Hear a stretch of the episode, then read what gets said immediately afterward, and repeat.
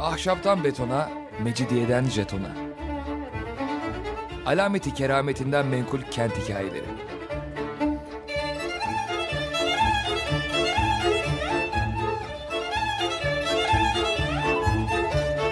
Hazırlayan ve sunan Pınar Erkan.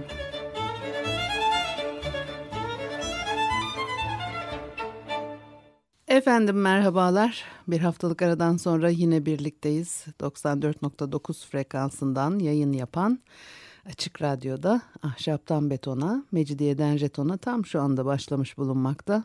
Anlatıcınız ben Pınar Erkan.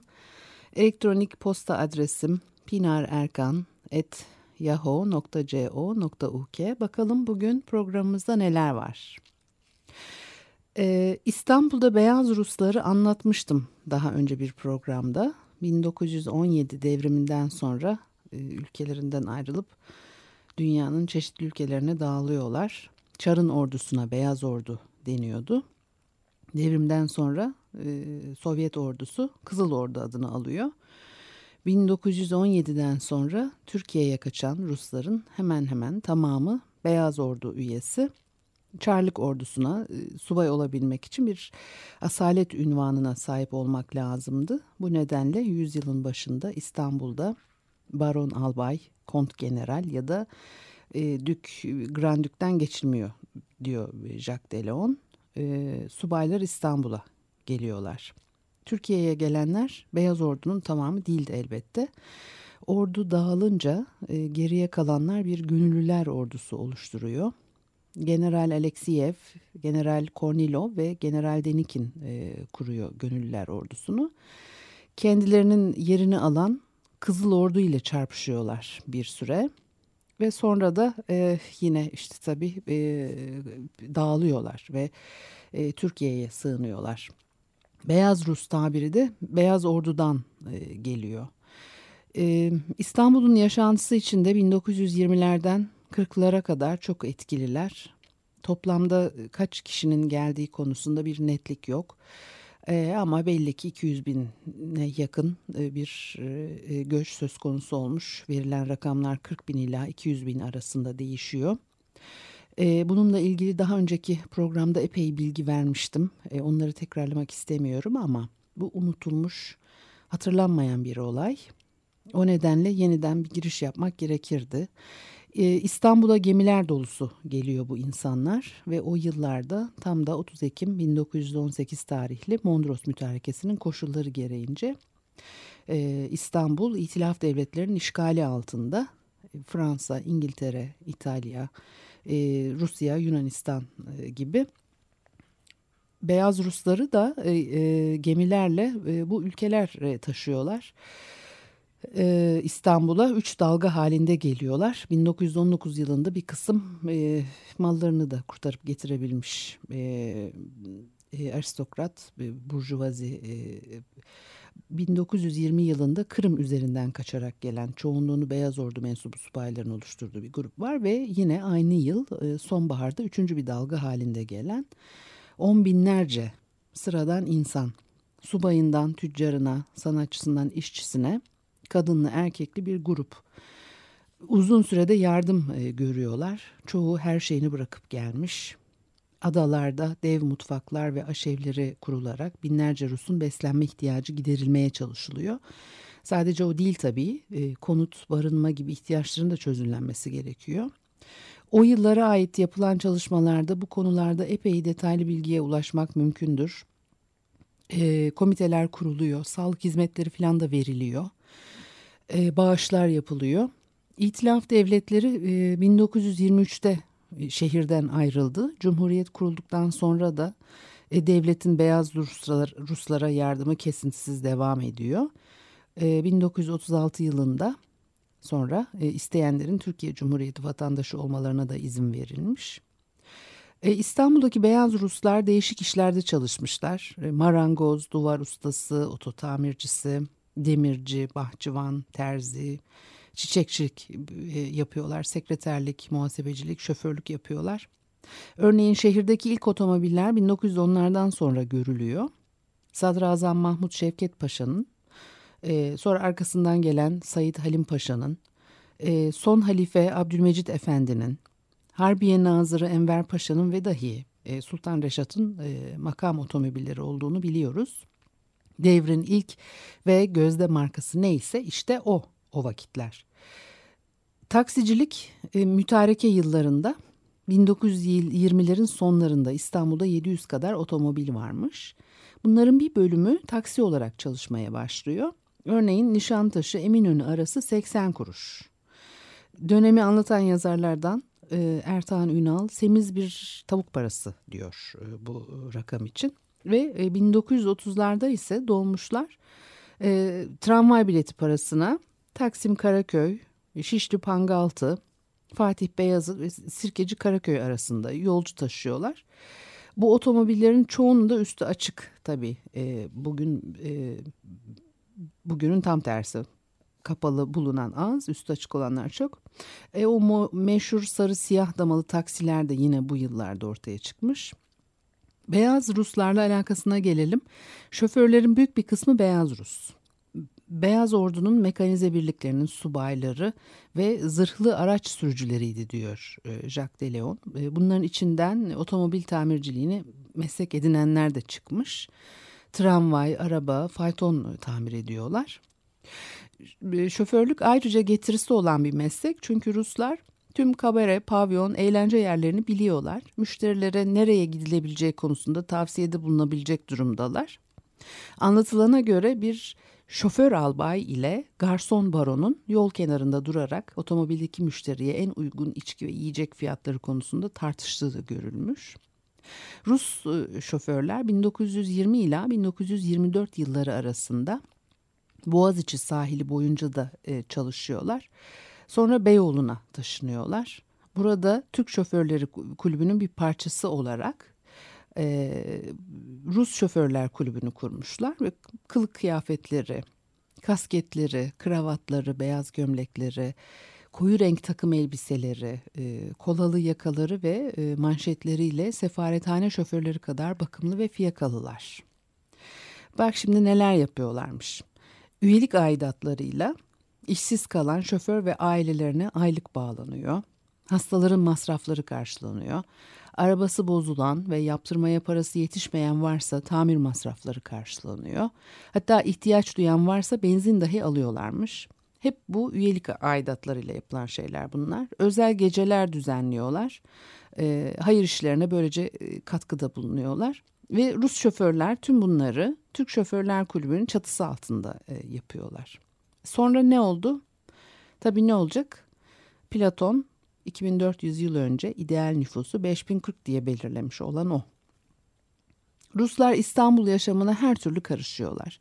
İçlerinde çok sayıda sanatçı var. Bale ve müzik alanında özellikle katkıları var. Ben ondan neredeyse hiç söz etmeyeceğim.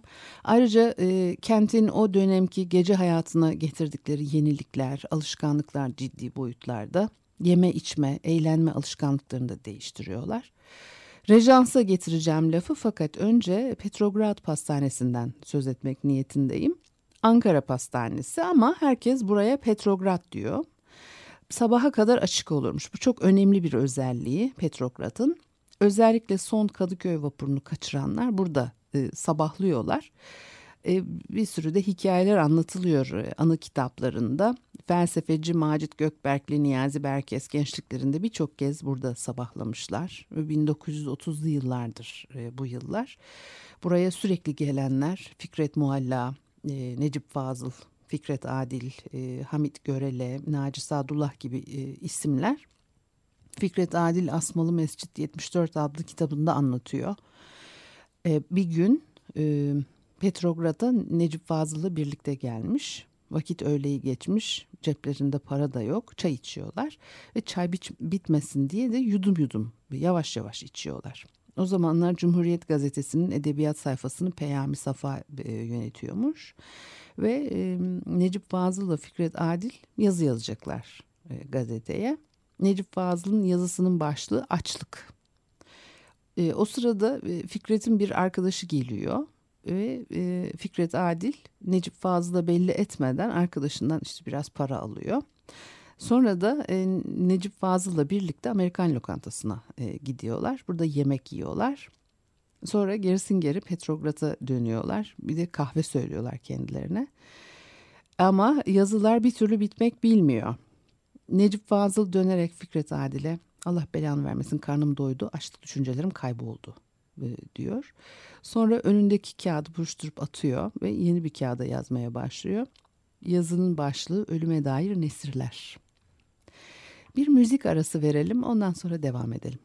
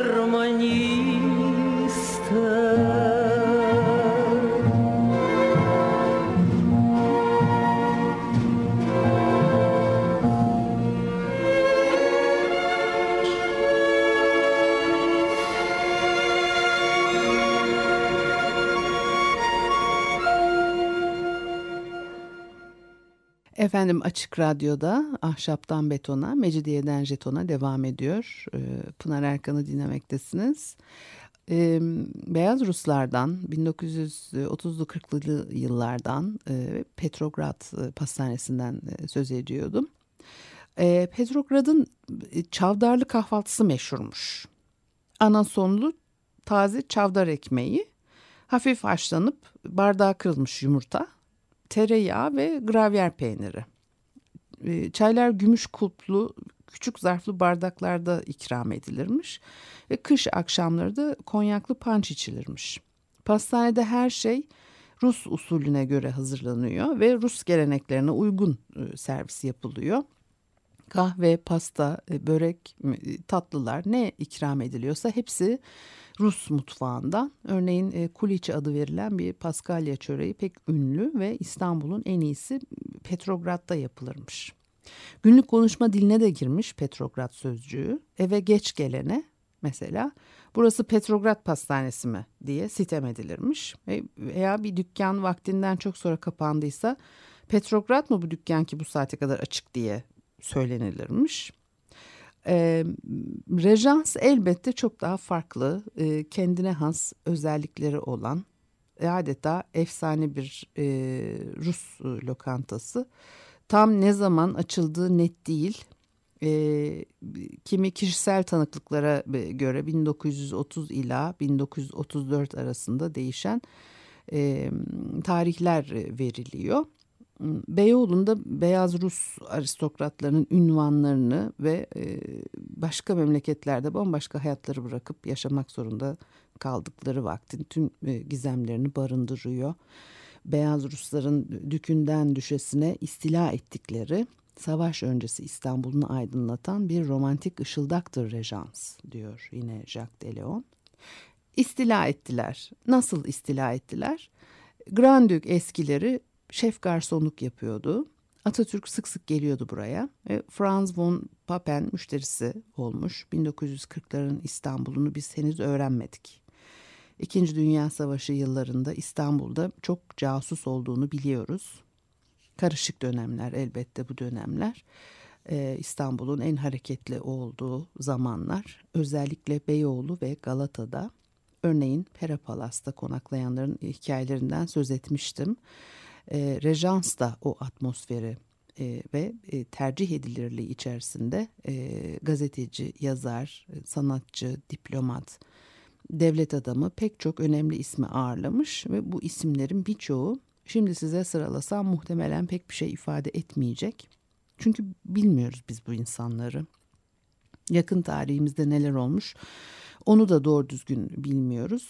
Ya yeni kurulan ve kimsenin istemediği bir devletin koşulları içerisinde bize bilgiler tevdi edilir ya da tarafların bize şöyle yaptılar böyle yaptılar diye aralıksız yakınmalarını ciğer ağrısı sayarız. Ve e, dünyanın en karmaşık, en tarihli e, süreçlerinden birinde içimize dışımıza işleyen geçmiş yaşantılarımızın ağırlığından kurtaramayız kendimizi. Bunları ne oturup farklı fikirlerde insanlar olarak aklı selimle konuşabiliriz. Ne de bir devrin dramlarını, tılsım ve umutlarını sağaltan sanatsal anlatılar olarak aktarabiliriz. Bir de üstüne kimsenin kimseye e, tahammülü yok. Herkes kendisinin ne kadar insansever olduğunu anlatıp ötekine pis fena diyor. Ve işin kötü tarafı e, Eğitimli e, insanlarımız da araştırıp öğrenmeye ilgi duymuyorlar. Birisi bir şey söylüyor. Ondan sonra bakıyorsunuz o yayılıyor ve e, e, gerçek mi doğru mu? Gerçekten öyle mi olmuş? Nasıl olmuş? E, hiç gerçeğin peşine düşen yok. İşte bütün bunlar içinde rejans gibi mekanlar, tanık mekanlar, diplomatlar, gazeteciler, yazarlar, Hitler'den kaçmayı başarmış üniversite profesörleri, e, ressamlar, aktörler, aktrisler, entelektüeller hep rejanstılar o dönemde. E, e, menüsü gayet ünlü. Borç çorbası, Piliçkiyevski yiyorlar. Başka pek çok e, yiyeceğin yanı sıra ve yine gayet ünlü e, sarı Rus vodkasını içiyorlar. Ayrıca yine aristokratik bir ünvana sahip bir hanım e, piyano çalıyor e, devamlı müşteriler için burasını unutulmaz bir dönemin sahnesine dinleyenler, duyanlar için bir efsaneye çeviriyor. O müdavimler içinde ismi çok ünlenenler var. Natasha bunlardan biri. E, Jacques Deleon onu anlatıyor. Ressamlar onu tuvalde zapt etmek için yarışır. Adı Natasha'dır. Rusya'dan gelmiştir. Beyaz pödüsiyet eldivenler, tango iskarpinleri ve siyah ipekten drapeli elbiseler giyer balerin olduğu söylenir ve rejansa her gelişinde gümüş düğmeli yelek ceplerinde kıl inceliğinde altın çerçeveli monokul bulunduran, beyaz getrili, kelebek kravatlı, kranta pera beylerinin göz ucu bakışlarını alır hülyalı hülyalı gülümser. 1943'ten sonra Macar göçmeni Judith Krishanovski ve Beyaz Rus kocası tarafından Park Otel'in karşısında açılan öteki Rus lokantasına uğradığı da anlatılır. Evet vakit 1940'larda bir pera akşamıdır ve rejanstaki masalarına kurulmuş kibar beylerle zarif hanımlar tepe başındaki garden barda soluklanıp lokantanın kapısını yeni açanlara sormaktadır. Acaba radyo bu geceki karartmayla ilgili bir haber vermiş midir? Bu insanların e, yaşadığı hayatları e, e, yaşamıyoruz e, tabii biz fakat e, tarihi binalar ve mekanlar taşıyor o bilgileri üzerlerinde. Siz de eğer şansınız varsa oralara gide gele terbiye olursunuz, giyinirsiniz o kültürleri kendi kişiliğinize. Rejans'ın işletmecileri de değişiyor yıllar içinde. E, müzik çok önemli bir parçası e, bu, bu Rejans'ın. 1960'larda ama bitiyor canlı müzik. Sonra 1976 yılında bir yangın çıkıyor. Binanın üst katındaki bir e, konfeksiyon atölyesinde başlıyor yangın ve e, söndürme işlemleri sırasında alt katları sular basıyor. E, duvar kaplama malzemelerinden tutun da mobilyasına, sandalyesine kadar her şey yıkılıyor, dökülüyor, harap oluyor, yanıyor. E, bir sene e, sonra restore edilip tekrar e, açılmış ve böyle de yine devam etti Rejans. Özelliklerini koruyarak son yıllara kadar varlığını sürdürdü. Ayaspaşa Rus lokantası da var tabii bir de. öteki Rus lokantası. Bizde her şey çok çabuk tüketiliyor. Biz buna alışığız.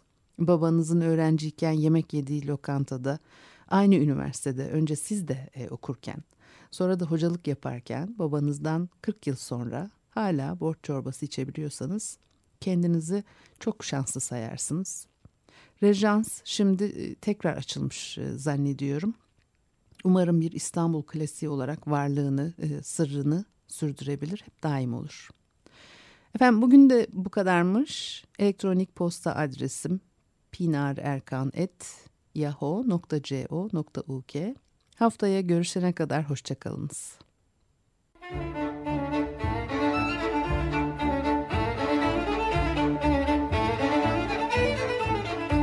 Ahşaptan betona, mecidiyeden jetona. Alameti kerametinden menkul kent hikayeleri.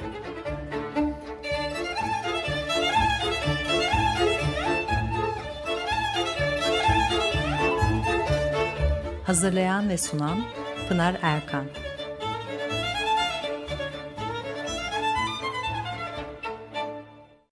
Açık Radyo program destekçisi olun.